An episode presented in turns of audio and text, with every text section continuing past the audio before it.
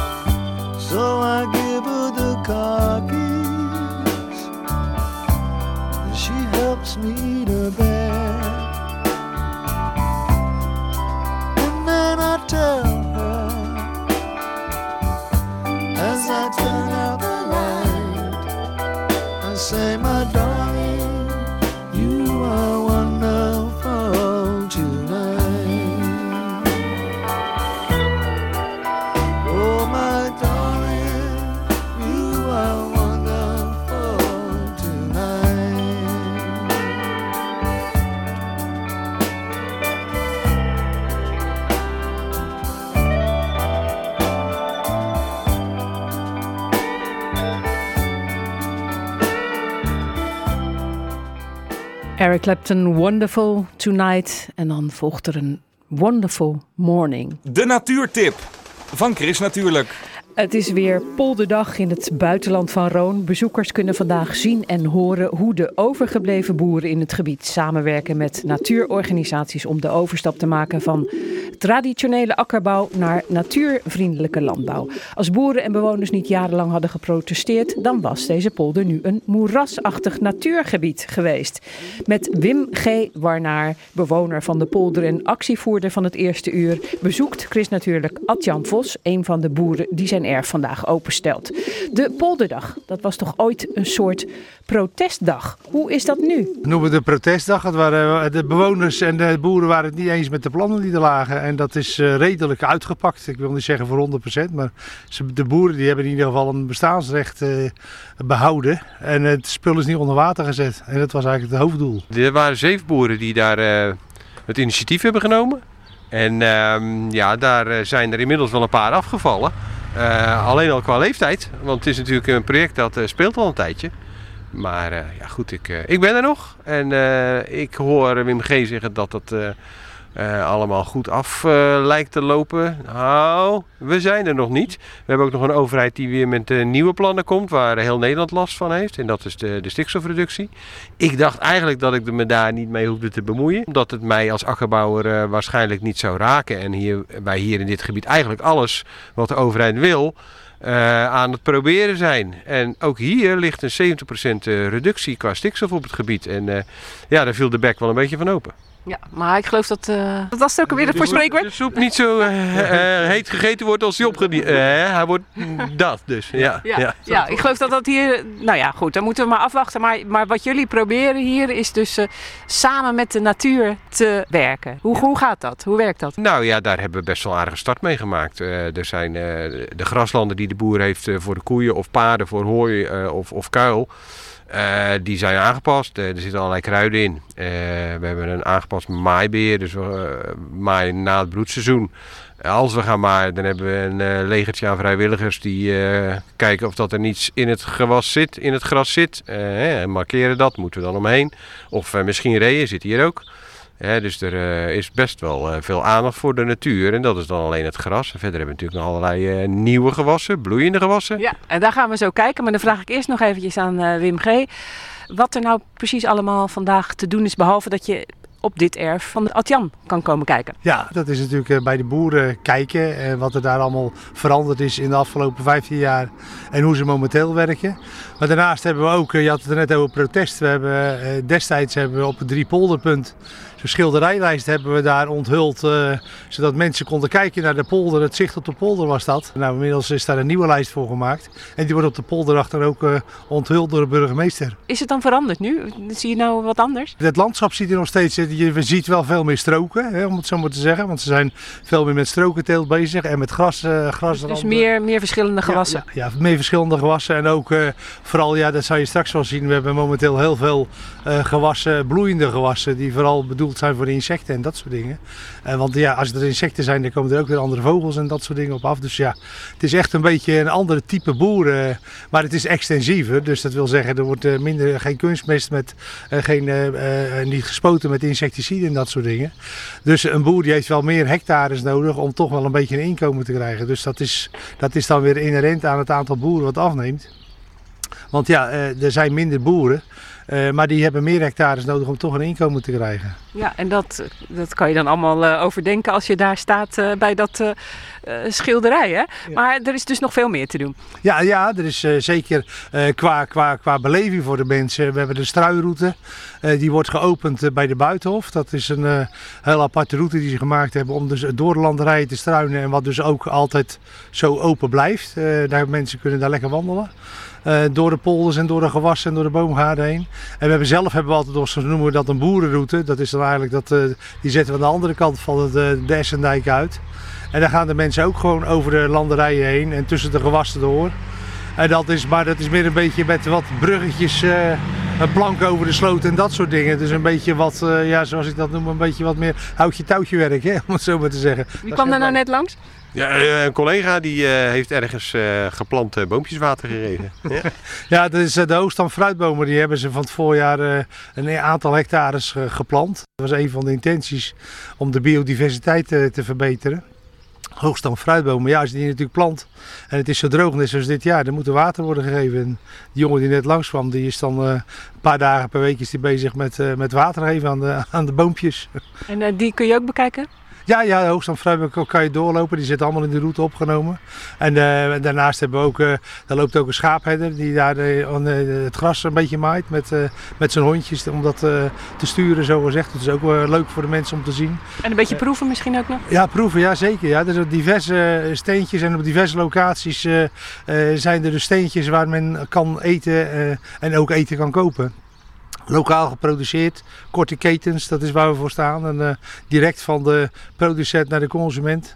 Dus daar zit geen eh, veiling tussen, daar zit geen eh, eh, groot grutter tussen die daar zijn winst op legt. Dus voor een billijke prijs toch eh, een net en mooi product kopen. Zullen we gaan naar het land? Ja, daar eh, moet het vandaan komen tenslotte. hè? Is goed? Hallo? Ja, ja, ja, ja. Hij wil zeker mee. ja. Nu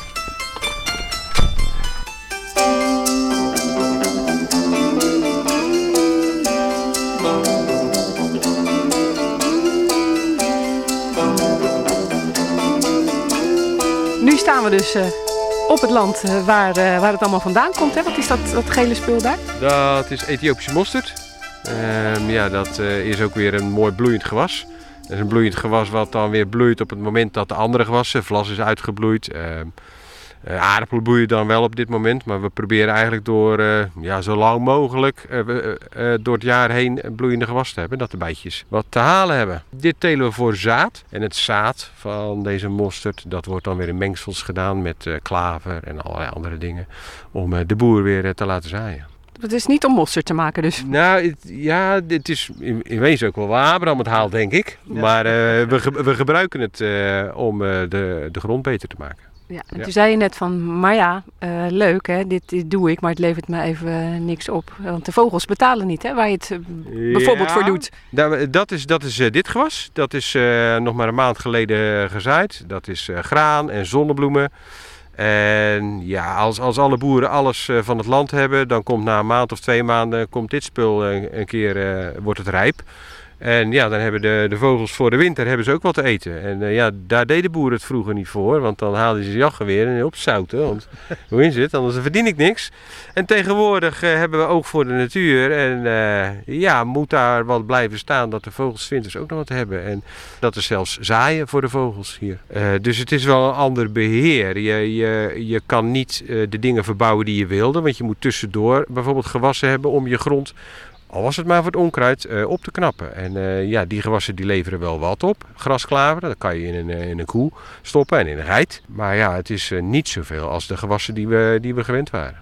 Maar hoe is het dan om te doen, om zo te werken? Ja, dat is wel leuk. Het is wel uitdagend. Het zijn allemaal nieuwe gewassen voor mij. Eh, tenminste, veel nieuwe gewassen. Dus dan eh, lukken de dingen wel, lukken de dingen ook wel eens niet. En we hebben hier natuurlijk wel een speciaal pro- project. Het is eh, ooit begonnen als compensatie voor de Maasvlakte. Er was geld voor natuur. En dat geld dat, begint langzaam op te raken. Hè, want ja, de boeren worden uitgekocht om de grond in eigendom te hebben. Om dat natuurproject maar zo stevig mogelijk te houden.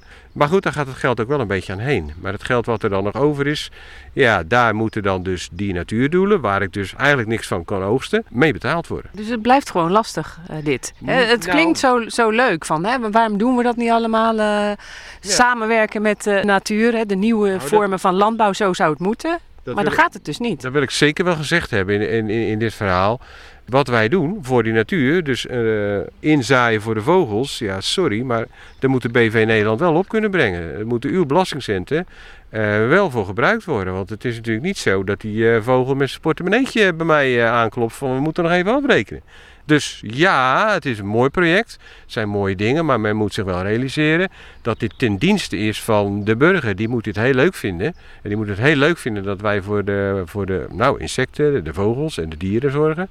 Maar dat kost wel geld. Het is wel anders boeren dan, eh, dan eh, de, de rest van Nederland. Het is voor mij ook een soort van pilot. En dat zou dan misschien wel voor de rest van Nederland eh, interessant kunnen zijn. Dat we hier toch af en toe vernieuwende dingen doen. Waarbij je van tevoren zou zeggen van nou ja, dat gaan we niet doen. Ja, dat achteraf blijkt dat er toch misschien best wel een mogelijkheid is. Maar even sec het zaaien voor de vogels. Ja, dat vind ik een wilde. Dat, daar blijf je geld in pompen. En als ik hier nou over tien jaar sta met jou, eh Adjan, wat dan? Nou, grijs denk ik. Ja. Ja. En, en, de, en de polder ook? Ja, nee, dan, eh, dan is de polder er zeker nog wel. En eh, zitten er ook nog wel boeren. Daar, daar gaan we gewoon voor zorgen. Daar ga ik mijn uiterste best voor doen. En natuur. Absoluut natuur. Ja, ontkomen we niet aan hier. Nee. Adjan Vos, een van de boeren van het buitenland van Roon. Wie vandaag de polderdag bezoekt, die krijgt niet alleen een inkijkje in de toekomst van het gebied, maar ook in het verleden van de polder. Je kunt eh, boodschappen doen bij de boer, een ritje maken op de pony, alpaca's bekijken, bloemen plukken, wandelen over de boerenroute of de struinroute. Nou ja, te veel om op te noemen. Op chrisnatuurlijk.nl vind je een linkje met meer informatie over de polderdag van het buitenland van Roon.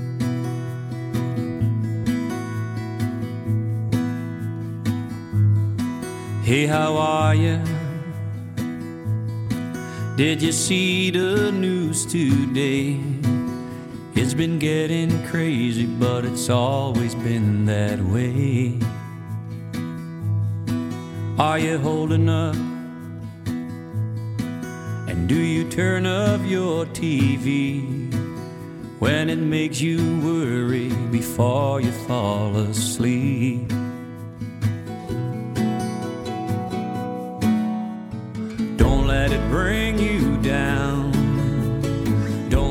Bring you down.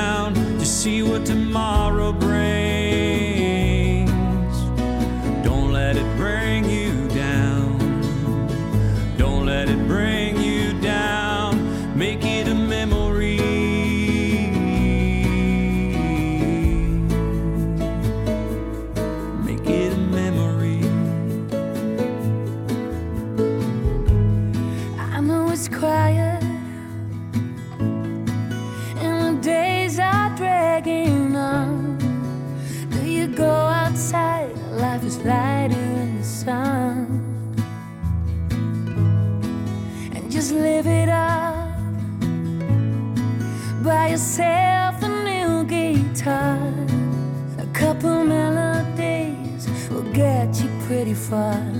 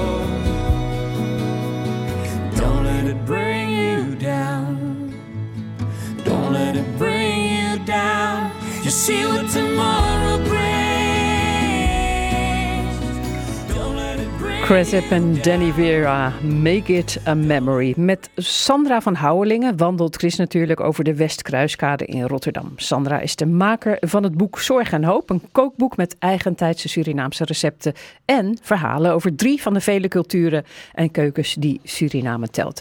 En wil je verhalen over Suriname horen en boodschappen doen om Surinaams te koken, dan moet je zeker even over die kruiskade lopen, vindt Sandra. Ja, absoluut. Hè. Hier ruik je het.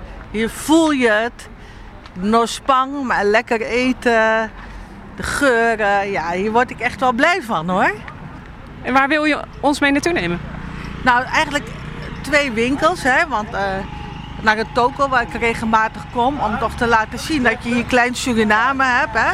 Paramaribo eh, aan de Maas, hè, aan Ninikeri. En eh, ja, ook dat je dus die, die, die vermenging hebt van die afkomsten. En dat je dus ook een slager hebt die eigenlijk de hele wereldkeuken ook eh, daar heeft. Ja, dat vind ik heel prachtig. Vind ik echt heel Rotterdams. Dat, iets waar we echt trots op kunnen zijn. Ja. Nou ja, hier kom ik dus heel regelmatig. Koningin en dat kom ik al 30 jaar.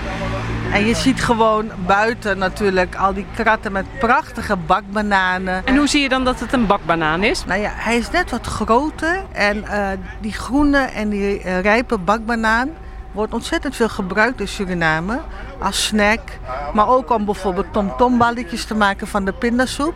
Dat doe je met de groene banaan bijvoorbeeld. Dat vertel ik ook in het kookboek. Je ziet hier ook verschillende zoete aardappels. Omdat het ook in het Caribisch gebied heel veel wordt gebruikt.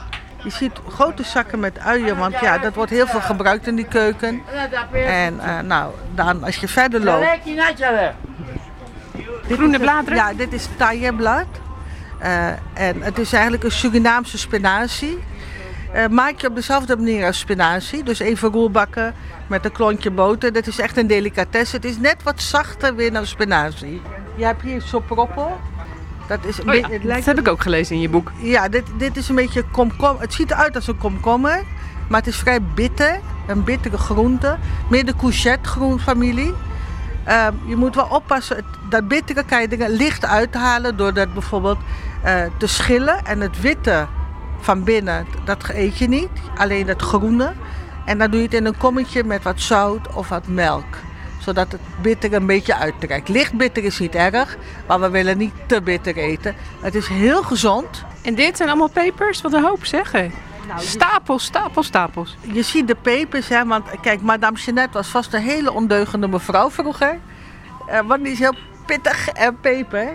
En eh, die zie je daarachter, dat zijn de wat meer langere pepertjes. Die zijn heel lekker van smaak. En de, de grote ronde, dat zijn de adjumas. Eh, die zijn vooral heel pittig. Maar je hebt bijvoorbeeld ook oker, zie je hier nog staan. Oker is vrij slijmerig. Ik persoonlijk vind dat niet zo lekker. Maar je hebt ook een soep, hè, dat heb je in het Caribisch gebied. Ik doe het echt roerbakken, zodat je licht, dat wel ziet dat het dat slijmerig heeft, maar het blijft knapperig. Daar hou ik meer van. En velen met mij hoor, moet ik eerlijk zeggen. En natuurlijk zie je ook eh, de gedroogde granaaltjes. Je moet je voorstellen dat drogen en zouten vroeger de manier waren van conserveren. En vandaar dus dat je eh, deze granaaltjes overal kan kopen, maar dat hoeft niet gekoeld bewaard te worden in principe.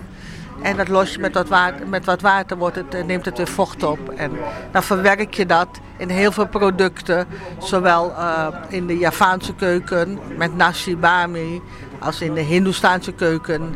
Hè? Wat ontzettend leuk is, en dat is ook uit mijn jeugd in eh, Suriname, want ik heb daar de eerste negen jaar gewoond van mijn leven, is groen op zuur. Groente en fruit op zuur. En dat wordt als snackje gegeten. En je ziet hier bijvoorbeeld stukjes mango. En die mango's zijn dan pittig en zuur. En at je dat dan als een snoepje? Je eet het als een snoepje. Dat waren de snoepjes. Ik zeg ook in mijn boek op een gegeven moment. Over eh, na, toen ik in Nederland aankwam en in het dorp waar ik opgroeide. Sliedrecht. Ja. Dat eh, ik bij mijn oma achter op de fiets zat en iedereen gaf mij maar snoepjes. En ik zei heel keurig: Nee, dank u wel, ik snoep niet. dat vond mijn oma zo grappig. Maar wij waren dat niet gewend. Wij gingen gewoon bij oom Chinees, oom Chinees. Gingen wij bijvoorbeeld een stukje mango op zoetzuur kopen. Of eh, olijven. Je hebt hier ook die grote gele zakken en daar zit pomtaier in.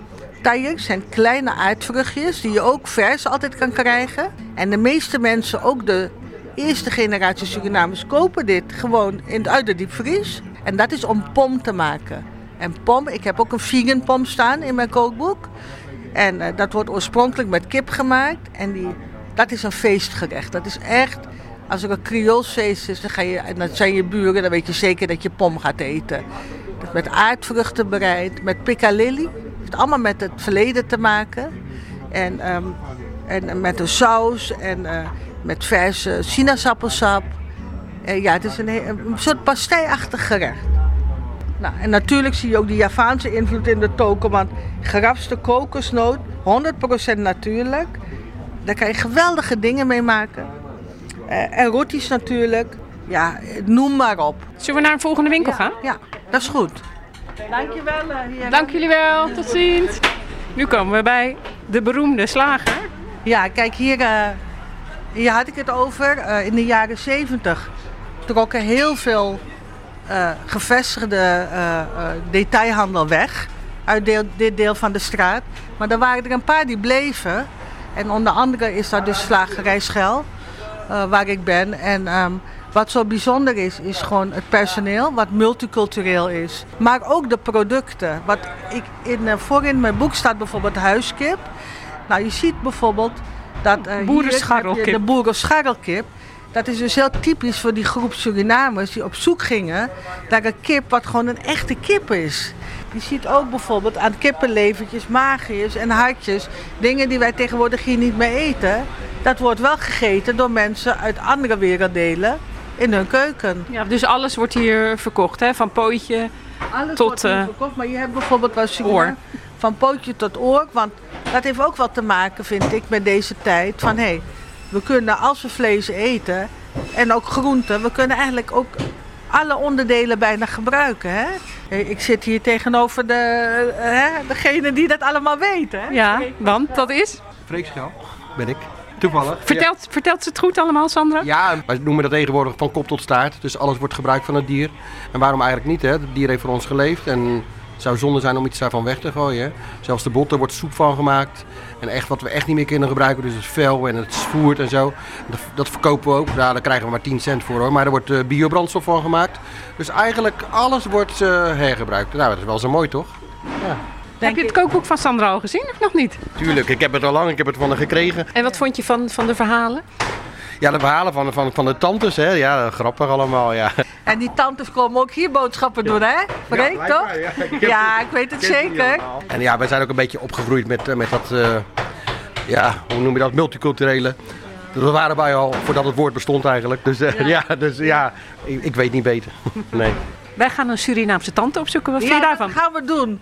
En eh, nou, tot de volgende keer, gedaan. Dankjewel. Tot ziens. We zijn in Rotterdam op zoek naar Suriname. En dat heeft alles te maken met het kookboek van Sandra Zorg en Hoop. Sandra van Houwelingen die heeft dat kookboek gemaakt. En zij neemt ons een beetje mee door de stad. En we zouden nu naar een Surinaamse tante gaan. Want eh, drie Surinaamse tantes spelen een hoofdrol in jouw boek. Toch, Sandra? Ja, dat klopt. En, eh, Ja, en wat is dit dan eh, voor zaak waar we zijn? Nou, de- deze zaak heeft, ve- vertelt veel over de Creoolse eh, cultuur. We hebben Kitty Kotti gehad eh, gisteren. En viering van de afschaffing van de slavernij. Hè? Ja, het is en een feest, maar het was ook herdenking. Ja, meestal de dag ervoor is de herdenking. En dan is op 1 juli echt de viering. En ja, wat ik heel prachtig vind, is dus dat in de Surinaamse cultuur heb je dus die Creoolse, die Hindoestaanse en die Javaanse kant. Maar eigenlijk door die kitty kotti, door die afschaffing van de slavernij, kwamen mijn voorouders uit India allemaal op die plantages te werken. En eh, de Javaan uit Indonesië. Dus het is allemaal aan elkaar En Chinezen ook, maar die, die staan dus niet in jouw boek. Nee, de Chinezen ook. Het is een wat kleinere groep, maar die waren er zeker. Die waren er heel best wel snel ook. En in, in deze winkel vind ik dat je echt die Surinaamse Creoolse cultuur heel goed eh, ruikt en ziet. Je hebt hier ook een, eh, echt wel een, eh, sterke Creools-Surinaamse tante zometeen, die daar wat meer over kan vertellen. Ik bedoel met Surinaamse tante natuurlijk een sterke Surinaamse vrouw. En, en dat, hè, daar, daar staat het woord Surinaamse tante. En waarom gebruik ik altijd tante? Om in Suriname zeg je eigenlijk meestal tante tegen een oudere persoon. Hallo, hoe gaat het met u? Gaat goed. Ja? Ja. Maar zou u ons wat willen vertellen over de winkel? Wat er allemaal te koop is? Want bijvoorbeeld die zakjes daar. En, eh, zullen we daar even naartoe lopen? Kijk, want hier staan allemaal, allemaal zakjes en dat zijn dan kruiden. Jawel, het zijn allemaal kruiden die eh, je kunt terugvinden in eh, het binnenland. Eh, ook in de stad of op de buitenplaatsen. Wat, wat dobro dwa? Eh, Wat is dat bijvoorbeeld? Nou, het wordt getrokken, wat ik begrijp. eh, het geeft de heren een goede stimulans. Oh. De potentie wordt verhoogd. Ik kies wel weer gelijk de goede eruit, hè? Dat heb ik me laten vertellen. Als u dan in Suriname loopt, dan kent u die planten ook als u ze ziet. Nou, als ik ze tegenkom, dan kan ik me wel herinneren. Want als kind ben je veel in contact met die planten. Omdat je ze ook op je erf hebt. Oké. Hier noemen ze het een tuin, maar daar noemen wij het een, een erf. Die boespapaya wordt gebruikt ook voor hoge bloeddruk. Dat trekken ze ook als thee. Maar als kind werd het ook gegeven. Want als je geen pickwick, pickwick thee had of vanillethee, dan werden dit soort dingen ook gebruikt. Ja. En ook gezond ook. Dan vind ik het prachtig dat deze winkel hier in Rotterdam eh, dat heeft. En daar ben ik dus trots op. Eh, net zoals gisteren bij Kitty Kotti. Ik ben daar aanwezig en dat ik eh, mijn voorouders contractarbeiders waren. Betekent wel dat we voor altijd verbonden zijn. De Creoolse, Hindoestaanse, Javaanse, Chinese, Libanese culturen. Dat, dat is uniek. We maakten een wandeling door Rotterdam-West met Sandra van Houwelingen, maker van het eigentijdse Surinaamse kookboek Zorg en Hoop. In de winkel kost dit boek 29,50 euro. En bij het kookboek heeft ze ook drie kruidenpasta's ontwikkeld, die je er tijdelijk, zolang de voorraad strekt, gratis bij krijgt. En er is één luisteraar die dit boek en die kruidenpasta's kan winnen. 010 436 4436. Moet je bellen en dan maak je kans. Chris Natuurlijk. De weekendbijlage. Wat staat er in de weekendkranten over groen, natuur en milieu? Je hoort het in het overzicht. Ik lees het samen met Martin van der Boogaard. Goedemorgen Martin, jij gaat beginnen. Ja, goedemorgen Chris. Ja, hoe kan het dat ik zoveel van dieren hou en ze ook nog opeet? Nou, dat dilemma houdt eh, Imke de Boer, hoogleraar dieren en duurzame voedselsystemen, al bezig vanaf haar jeugd. In het boek Past het dier nog op ons bord? Zoekt ze antwoord. En je leest erover in de, de weekendbijlage van het AD. De jonge visarenden in de Biesbos zijn geringd. Het is voor de tweede keer ooit dat in Nederland jonge visarenden zijn geringd. Volgens Staatsbosbeheer is dit een belangrijke stap in de bescherming van deze zeldzame broedvogel. Chris, als jij nou naar mij kijkt, denk je dan dat ik afstam van de blob? Ja, weet je wel. Ja, ja, ja dat zijn die, die, die, uh, druppelvormige, naaktslakkige ja, ogen. Ja, daar lijk ik toch wel een beetje op, denk nee, ik. Hoor. Nou, in ieder geval, ze schuifelden miljoenen jaren geleden over de, over de zeebodem. Het lijkt er steeds meer op dat uh, deze mysterieuze zeewezentjes onze verre voorouders geweest kunnen zijn, schrijft de Volkskrant. Maar ja, uiteindelijk zijn we allemaal kinderen van één vader. Okay. Toch? Uh, en een moeder. En een moeder, ja, nou ja, ja, ja ligt eraan hoe je er naar kijkt. Ja. Trouw en NRC die vragen zich af wie zijn die jongeren die nu nog boer willen worden. Trouw ging naar de veehouderijopleiding in Den Bosch en NRC naar de opleiding agrarisch ondernemerschap in Dronten om het aan de studenten daar te vragen. Ja, de zon schijnt, dus ze zijn nu even uh, aan het slapen, de nachtvlinders. Maar het is uh, Nationale Nachtvlindernacht. En ook in onze regio kun je op nachtvlinder excursie. In uh, de Heemtuin Westwijk in Vlaardingen bijvoorbeeld. Daar kun je zien hoe het uh, IVN Rotterdam nachtvlinders lokt met uh, zoete smeersels en een wit laken. Alleen bij regen gaat het niet door, maar als ik zo naar buiten kijk, ziet het er best goed uit. Martin van der Boogaard was dat met het groene nieuws uit de weekendkranten. En daarbuiten eens even kijken of wij met zoete smeersels onze et al dus uh, kunnen lokken. Ed, ben je daar? Ja, zeker Chris. Ja, Goedemorgen. gelokt. Goedemorgen. Goedemorgen. Nou ja, en uh, Martin die gaf al een beetje een voorzetje uh, dat het uh, zonnig is vandaag. Nou ja, althans de eerste uren van de dag. Want zo zonnig het nu is, blijft het zeker niet. En dat komt omdat de aangevoerde lucht behoorlijk vochtig gaat worden in de loop van de dag. Dus eerst volop zon.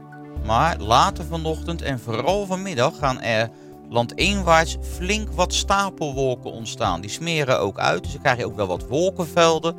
En dat betekent dat vanmiddag landeenwaarts de zon ja, duidelijk uh, minder zal schijnen dan vanochtend. Maar het blijft wel overal droog, dus het is een hele lekkere dag en de temperatuur komt uit op het gemiddelde voor deze tijd van het jaar. 21 graden langs de kust, een graad of 23 in het oosten van de regio. En er waait een matige wind uit het zuidwesten, windkracht 3 of 4. Nou, vanavond dan gaat die bewolking weer grotendeels verdwijnen. Dus een mooie avondzon. Vannacht dan hebben we te maken met tamelijk helder weer. Nou, dus het is uh, goed weer dus om nachtvlinders te kijken, want het blijft dan droog ja, en zeker. helder. Dus, uh... Ja, inderdaad. En die temperatuur die zakt dan naar zo'n graad of 12 in het oosten van de regio, 15 graden langs de kust. Ja, en morgen zie je eigenlijk nauwelijks verandering in het uh, huidige weertype. Dat betekent voor morgen een afwisseling van zon en bewolking. Het blijft in onze regio, als het goed is, droog. Er zou een klein licht buitje kunnen vallen. Maar dat mag geen naam hebben. De temperatuur morgen komt uit op 19 graden nog maar aan zee. 21 graden in het oosten van de regio. Dus wel wat aan de koele kant. Maar een matige wind morgen uit het westen. Een windkracht 3 of 4. Goh, nou ja, dus, uh, en volgens mij is dat ook een beetje de opmaat naar wat koeler zomerweer. Ja, klopt. De hele volgende week hebben we te maken met relatief koel weer voor de tijd van het jaar. Dat betekent temperaturen ja, zo'n beetje rond 20 graden. En dat komt allemaal door een hoge drukgebied ten zuidwesten van Ierland. Die zorgt voor een noordwestelijke stroming. En ja, daarmee wordt dus die koele lucht aangevoerd. Het is beslist geen slecht weer de hele week. Want er zijn zonnige perioden, afgewisseld door, door enkele wolkenvelden. En het blijft een groot deel van de week in onze regio droog. Nou, ik wens jou vast een fijn weekend. Jij bent er straks weer om half één live hè, in eh, Zeker. de uitzending. Ja, klopt Oké, helemaal. Ed. Ja. Hoi, fijn weekend Oké, nogmaals. groetjes, hetzelfde. Hoi.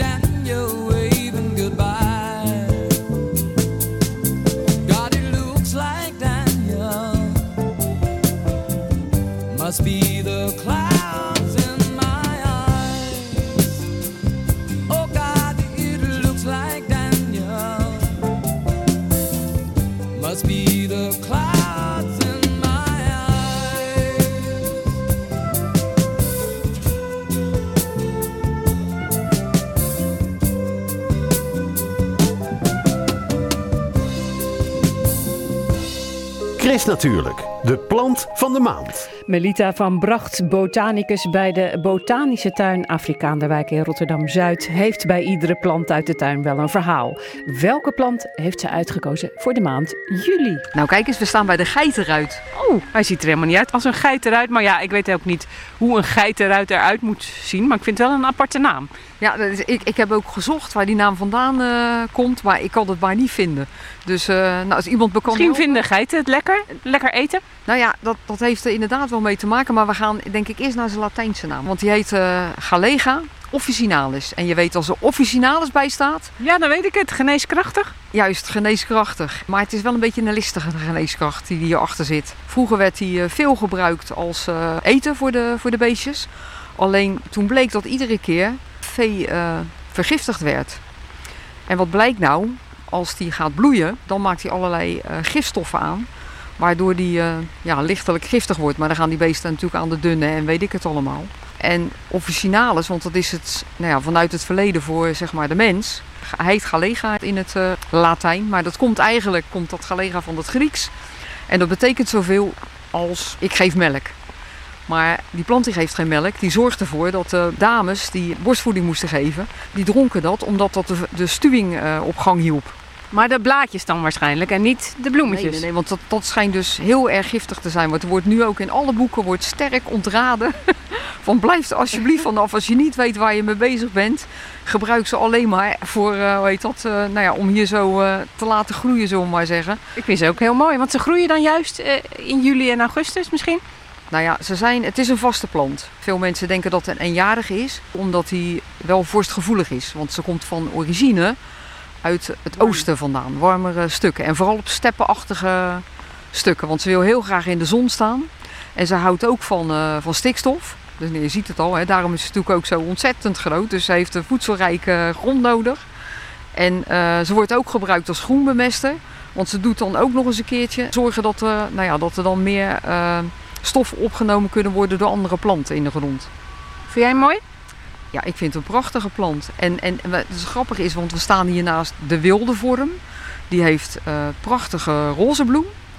En eh, degene die je vaak ziet, hè, die heet dan Galea officinalis alba. Dat is een witte bloem. En die, eh, die is van, nou ja, door ons weer bedacht. En die staat ernaast? Die staat hier, staat die ernaast, ja, om te laten zien. Alleen, ja, als ik eerlijk ben, dan vind ik die... die Lila-achtige mooier. Die vind ik veel mooier, inderdaad. En ook dat hele mooie samengestelde, ja, geveerde blad, zullen we maar zeggen, ziet er ook prachtig uit. Ja, en die, die bloemetjes? Ja, een soort van, van tros. En eh, hoe heet dat? Dat is ook grappig, want je ziet eh, honingbijen zijn er gek op. Want daarvoor, eh, ik zag hem ook laatst weer in een artikel staan van, eh, voor imkers. En eh, die vliegen er ook op. Maar hier in de tuin zag ik ook al, eh, nou ja, welke soort het precies is, weet ik niet. Maar eentje met een buikschuier. Hè, die doet dan aan de onderkant het stuifmeel verzamelen in plaats van op die pootjes. Die heeft een soort haren, harige toestand op zijn buik. En eh, ontharen, daar houden die bijtjes niet van. Maar ze schuiven dan alles. eh, dan zie je het kontje in de lucht gaan. Dan zie je ze heel druk bezig om dan alles op, je, op die buik eh, te schuiven van het stuifmeel. Maar ook hommels zie je erop vliegen. Dus het is een geweldige plant voor eh, nou ja, inheemse bijen en ook onze koemelkbijen, zullen we maar zeggen. En wanneer plant je ze? Je kan veelal zaad kopen van, eh, van die dingen. Ik weet niet of je hem zo kan kopen. Het, het zal ongetwijfeld, ik ben hem nog niet tegengekomen, maar vaak zie je, ja, zie je ze als zaad te koop. En dan is het een kwestie van eh, in de grond stoppen. En dan eh, komen ze vanzelf omhoog, want dat is hier ook gebeurd. Ja, ze zijn heel hoog al, hè? Ze zijn hier wel ze zijn groter dan dat wij zijn. En, en ik ben- Nou. ja, wel, kijk maar Chris, kijk. ze komen boven ons uit. Nou, echt niet. Jawel, ja, ze komen echt. Nou, ga jij daar maar staan. Oké, hoe lang ben je? Ik ben eh 1 meter eh, 67 of zo. En Oh, dan ja. komt bij mij, ja. Nou, ik ben 1,71. Nou, kijk. Ik ga er eens even bij staan. Nou, nee toch? Ja, ja dan is die Oh. 1,70 is die zeker. Maar mooi, hè? Ik vind, ik vind hem prachtig. En ik zou zeggen van, eh, komt al een kijken. De geiten, ruit en heel veel andere planten zijn te zien in de botanische tuin Afrikaanderwijk in Rotterdam-Zuid.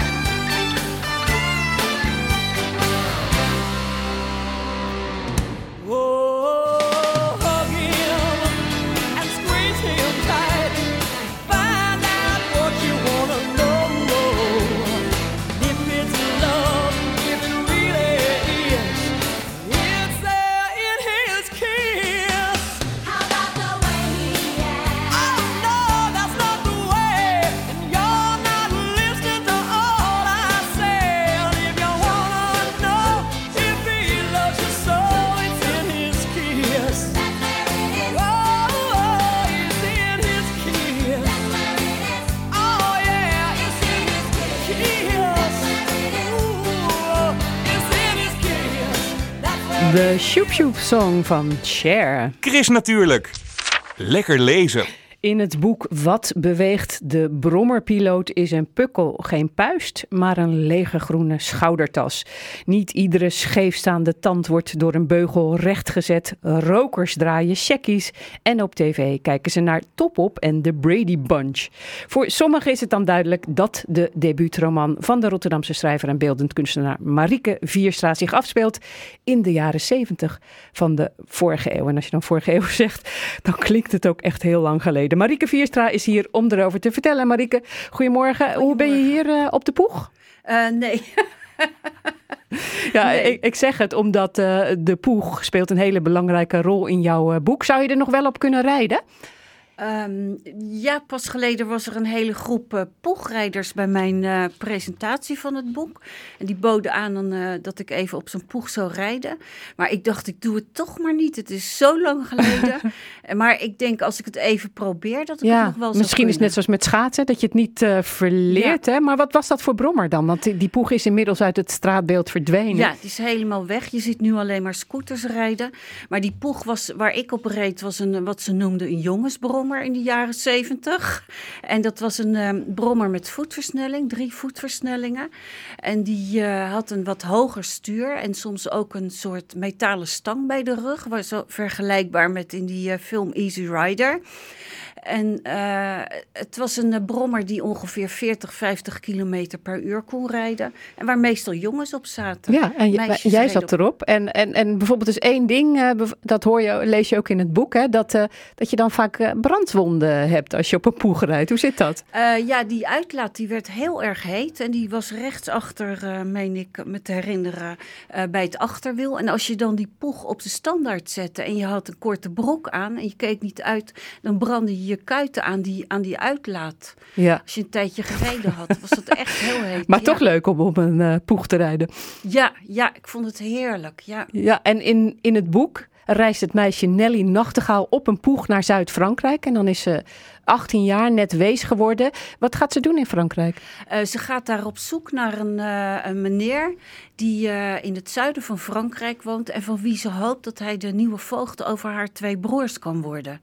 En die broers die, die hebben al een voogd, maar dat allebei, maar dat is geen prettige man. Dus zij wil iemand anders hebben voor die broers. Dat is ook wel dringend nodig en daarom gaat zij naar die man op zoek. Maar het is een hele merkwaardige man. Hij is wat, een- het is een vreemde iemand en eh, het blijft ook een la- lange tijd een beetje vaag. Dat je denkt, wat is dat voor iemand? Ja, maar eh, goed, dat, dat eh, doet ze dus. hè, want het is eigenlijk een beetje een soort road novel Ja. ook geworden. Hè? Dus ze, ze gaat dan onderweg en dan lees je precies... ja, dan kijkt ze, denkt ze weer eens een beetje terug aan, aan haar leven. Maar jij hebt dat zelf ook gedaan, hè? Die, die reis gemaakt naar Zuid-Frankrijk op een poeg. Ja, ja ik, reed, ik ken het natuurlijk goed, dat poegrijden. Want anders is het toch moeilijker om er nu nog over te schrijven. Maar ik ben eh, inderdaad eh, eind jaren zeventig eh, op een poeg met een groepje mensen naar Zuid-Frankrijk gereden. Heen en terug met allemaal tenten achterop en kookspullen. En, eh, en ik heb ook een eh, lange Had je ook een pick-up bij je, zoals Nelly in het boek? Ja. ja. Gewoon achterop en Met dan mooie plaatjes eh, draaien. Ja, maar en onderweg, vond je het niet eng om in Frankrijk te rijden? Want je reed gewoon echt over de snelweg, hè? Ja, ik vond het. ik was wel een voorzichtige rijder, maar dat vond ik wel heel griezelig. En ik dacht ook, er kwam dat verkeer dat kwam vlak langs je. En vooral ook op driebaanswegen waar je om de beurt mag inhalen, was dat nogal eng. En ehm, ja, dan moest, er, moest ik gewoon ook af en toe eh, afstappen om even, even bij te komen. Maar ik heb ook nog filmpjes uit die tijd. En eh, ik heb, filmde ook gewoon eh, met een Super 8 camera vanaf die brommer op de weg. En als ik die filmpjes terugkijk en dat verkeer zie, denk ik nou, er komt een vrachtwagen voorbij. nog eens een vrachtwagen. Toch wel wat anders dan in deze mee. tijd. Maar Ja. wat leuk is, eh, dat eh, ja, een soort bewerkte vorm van dat filmpje is in, in een foto op jouw eh, boek te zien. Hè? Dat ben Ja. jij dus. Ja. ja, die Nelly. Nachtegaal eigenlijk. Ja. Ben jij ook een beetje die Nelly Nachtegaal uit het boek? Eh, gedeeltelijk. Het is eh, natuurlijk grotendeels fictie. Hè? Alle dialogen, heel veel situaties heb ik allemaal verzonnen. Ik werd zelf eh, ook wees op mijn achttiende. En, of ietsje eerder eigenlijk. En... Eh, maar ja, om zo'n boek te schrijven moet je toch wel eh, die, die, die werkelijkheid voor een groot deel eh, loslaten. En ja, ik zou ook niet meer precies weten hoe het vroeger was. Ik heb daarom heel veel verzonnen. En alle, ja, alleen al de dialogen zijn allemaal verzonnen. Ja, maar, maar toch zijn er nog wel meer overeenkomsten tussen jouw leven en dat van Nelly. Ja. Ja, er is een, eh, een verstandelijk beperkte broer die in dat boek een, eh, ook een belangrijke rol speelt. En die heb ik ook in het echt, die zie ik ook nog steeds. En die, eh, we volgen ook wat er met hem gebeurt in dat verhaal. Ja, want je, je beschrijft bijvoorbeeld het ongemak van anderen. Hè? Want ze weten gewoon eigenlijk niet. Dat lees je ook niet zo vaak in een roman. Hè? In een verstandelijk gehandicapte persoon. En dan, dan beschrijf je inderdaad het ongemak van anderen. Ze weten niet hoe ze Ja. met zo iemand om moeten gaan. Ja, het was eh, mijn eh, toen nog eh, in leven zijnde familieleden, maar ook mijn buren en eigenlijk iedereen die. Ja, die had grote moeite met, eh, met de aanwezigheid van die broer. En ze, ze waren er ook niet eh, aan gewend, denk ik. Het, het is iets wat denk ik nog steeds zo is, dat mensen het moeilijk vinden als ze niet opgroeien. Of ik ben natuurlijk opgegroeid met een verstandelijk beperkte broer. Maar als je niet toevallig met zo iemand in je omgeving eh, opgroeit of iemand dagelijks ziet, dan is dat toch voor veel mensen lastig om met iemand om te gaan die daadwerkelijk anders is dan, eh, dan de mensen die je kent. Die ook echt andere dingen zegt en doet. Ja, dus nou, maar dat beschrijf je dus eh, in je boek. En dan, ja, je beschrijft ook eh, bijvoorbeeld eh, dat mensen hebben dan eh, zo'n mat met welkom erop. Hè? Ja. Maar ja, jij, jij bent dan wees geworden. Je, je broers zijn alleen. En volgens Nelly uit het boek blijft de voordeur gesloten als het erop aankomt. Ja, ja er komt weinig steun van buitenaf. Eh, er wordt wel via instanties van alles geregeld natuurlijk. Hè. Ze krijgt de weesuitkering en dat was op zichzelf wel fantastisch natuurlijk.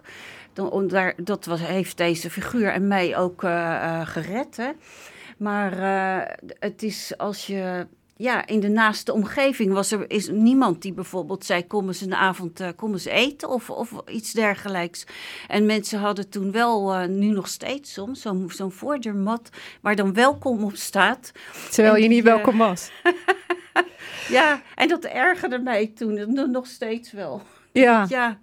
Dit, dit is eh, het eerste deel van een trilogie. Hè? Je hebt nu dus eh, het, meisje eh, als hoofdpersoon Ja. genomen. Er volgt een graphic novel nog over je verstandelijk gehandicapte broer. En dan ook nog daarna nog een roman wil je maken over de andere broer die in een pleeggezin terecht Ja. is gekomen waar het niet zo goed ging.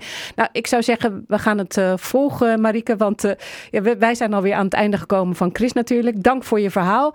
Het eerste deel, zullen we maar zeggen, van, dit, eh, van deze trilogie heet Wat beweegt de brommer piloot? Het is uitgegeven bij De Meent. Kost bij de boekhandel in je buurt 22,50 euro. En er is één luisteraar die het kan winnen.